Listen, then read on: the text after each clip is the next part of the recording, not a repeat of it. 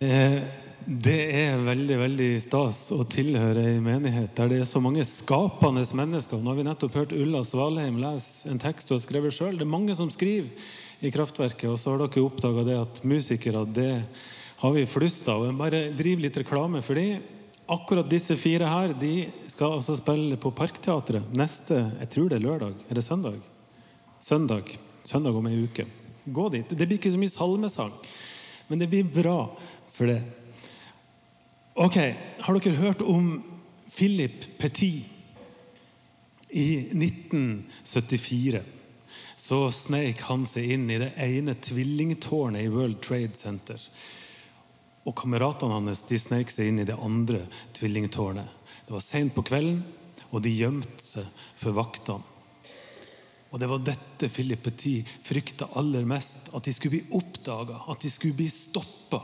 For dette her, det skulle de gjennomføre uansett. Og så kom de seg inn. Og I løpet av natta så jobba de på spreng, og de kom seg opp på taket av begge tårnene. Og så spente de en vaier fra det ene tårnet over til det andre tårnet. Og når morgenen kom, så var alt klart.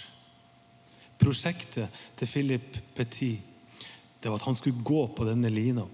Fra det ene tårnet til det andre tårnet uten sikkerhetsnett. Og nå sto han der med den ene foten på, på, på taket og den andre foten på lina. Og så kjente han hvordan denne vaieren hvordan den svaia i vinden, og hvordan den vibrerte. Det er 60 meter bort til det andre tårnet. Det er 400 meter rett ned. Og så trakk han pusten og plasserte den andre foten på lina, og så begynte han å gå.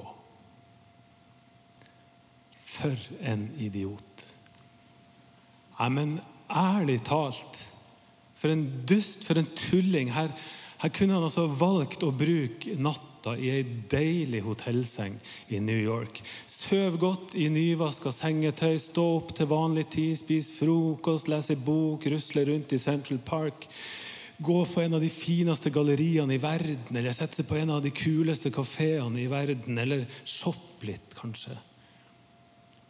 Det kan jo være så fint å være i New York. Tenk alle de behagelige tingene man kan velge. Og så velger altså denne fyren her i stedet å risikere livet når han for en gangs skyld er der.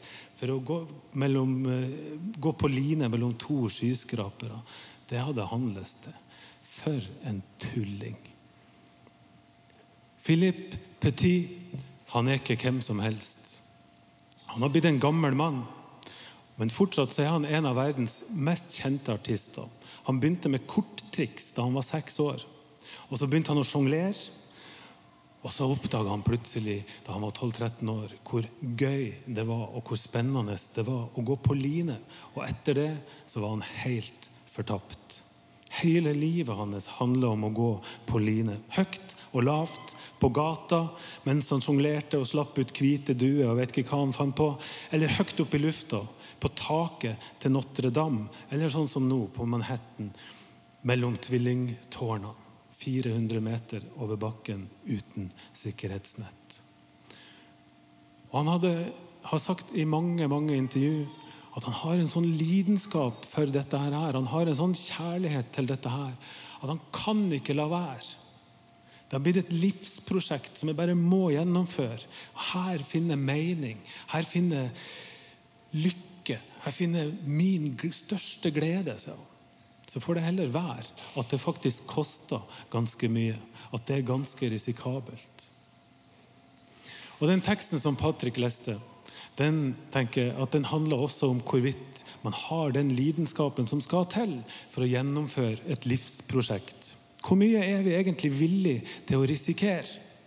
Er vi villige til å betale den prisen som det ofte kan koste når man satser alt på én ting?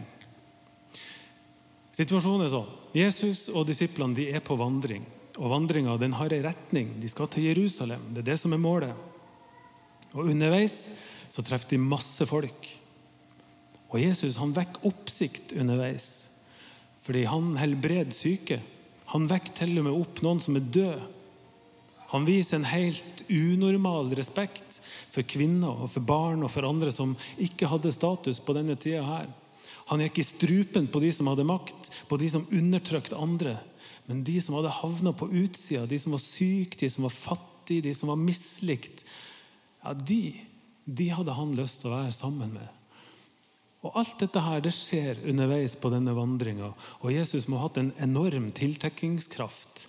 For mens de gikk der på veien, så er det altså en som kommer bort til han, og så sier han Hei, jeg har lyst til å følge det, uansett hvor du går hen. Jeg tenkte Det er et ganske stort valg å ta. Det er en ganske det er en utrolig ting å komme og si. Og Hadde jeg kommet på den måten der til Jesus, så ville jeg faktisk ha forventa at han skulle svare noe hyggelig tilbake. Ja, men se nå her. Velkommen, Kjetil Gilberg. Velkommen skal du jammen være. Nå blir det gøy. Men i stedet så spør altså Jesus på sin finurlige måte om han er villig til å betale prisen. Det er svaret. Er du klar over hva dette kommer til å koste? Du får ikke noe enkelt liv, skal du tro. Reven har hi, himmelens fugler har rede, men menneskesønnen har ikke noe sted han kan hvile hodet på. Og Så er det to til som ønsker å følge ham. Og den ene, viktige, Begge to har viktige ting som de skal gjøre før de blir med på vandringa. Den ene han vil hjem, begrave sin far. Den andre vil ta farvel med de der hjemme. Og Så sier Jesus nei, nei, nei, nei, det er ikke sånn det funker. Den som følger med, han er nødt til å være villig til å ofre alt annet. Ingen som har lagt handa på plogen og så ser seg tilbake, er skikka for Guds rike. Hører dere hvor krevende Jesus er? Han er liksom ikke den der milde Jesus som vi er så glad i. Og så vet vi ikke hvordan det gikk med disse tre. Om de ble med, eller om de snudde på hælen der og da. Og vi vet men det vi vet, det er at det å følge Jesus det koster mange av disiplene livet. Det å bli med på vandringa med han, det koster mange av disiplene livet. Så Jesus hadde rett. Det ble ikke noe enkelt liv. Og vi vet også at flere andre ikke orka å bli med da de ble klar over hva dette kosta. Blant annet så var det en rik mann som ville følge Jesus. Og Jesus sier ja, topp. Men gå og selg alt du eier først, og så gir du det til de fattige. Og så kommer du og følger med. Og den rike mannen kan vi lese, han gikk bedrøva bort. Kostnaden ble for høy, bokstavelig talt. Og Sånn er det faktisk i dag også. Det er den dårlige nyheten. Sorry.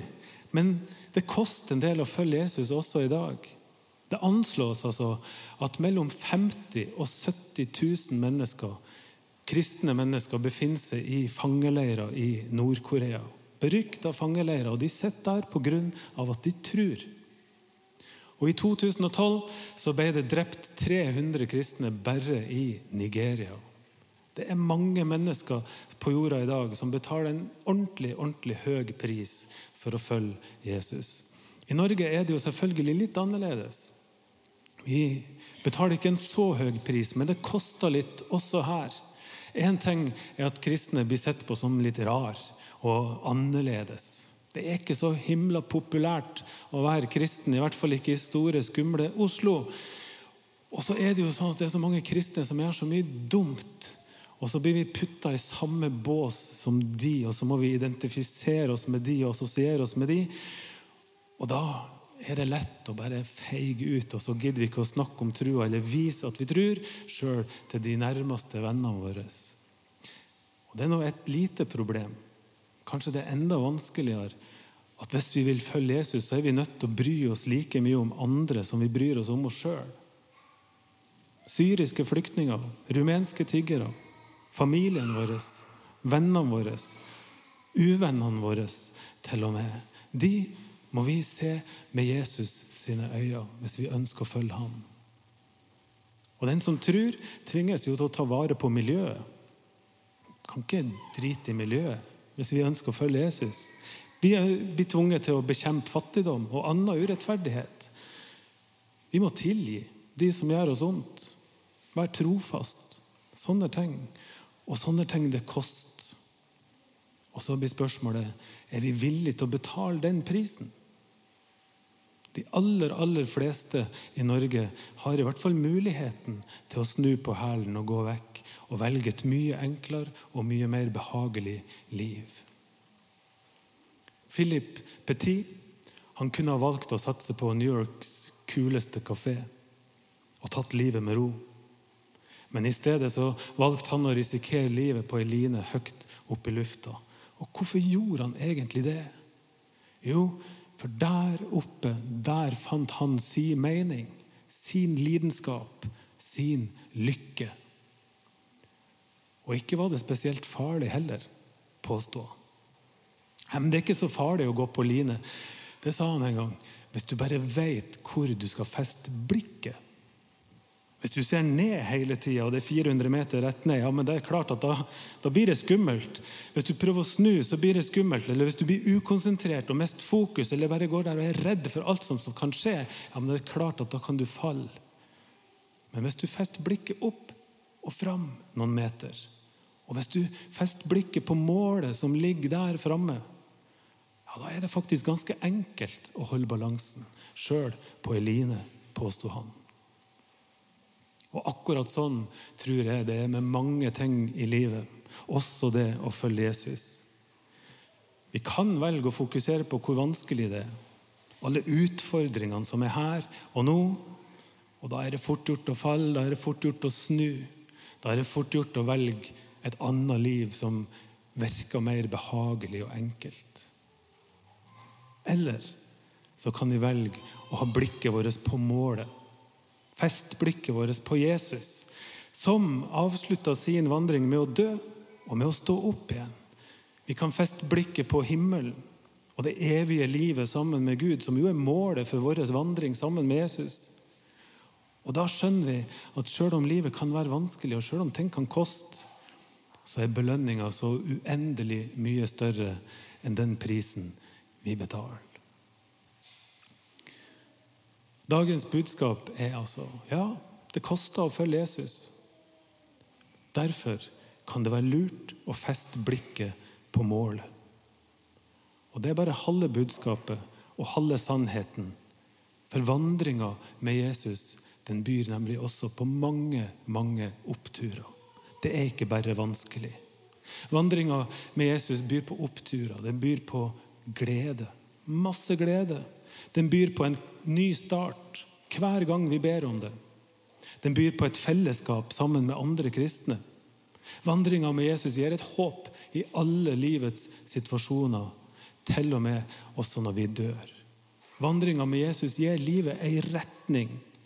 Og Den retninga er mot Gud, som er i stand til å gi oss en grunnleggende fred. En grunnleggende glede over livet også de dagene da livet er vanskelig. Vandringa med Jesus det er ikke noen ting vi bare skal bli ferdig med for å nå målet. Men vandringa med Jesus er vandring der det kan være godt å være, sjøl om det koster litt av og til. Og Philip Petit han nøyde seg ikke med å gå fra tårn til tårn. Han gikk åtte ganger fram og tilbake. Mens politiet sto på takene der, og så ropte de at 'Kommer du ikke inn nå, så kutter vi vaieren'. Og På bakken så sto det hundrevis, ja, tusenvis av folk og så 400 meter opp på denne fyren. Og på et tidspunkt så la han seg ned på lina. Hvilte han litt. Mens vaieren vaia fram og tilbake og rista. Han hadde full kontroll.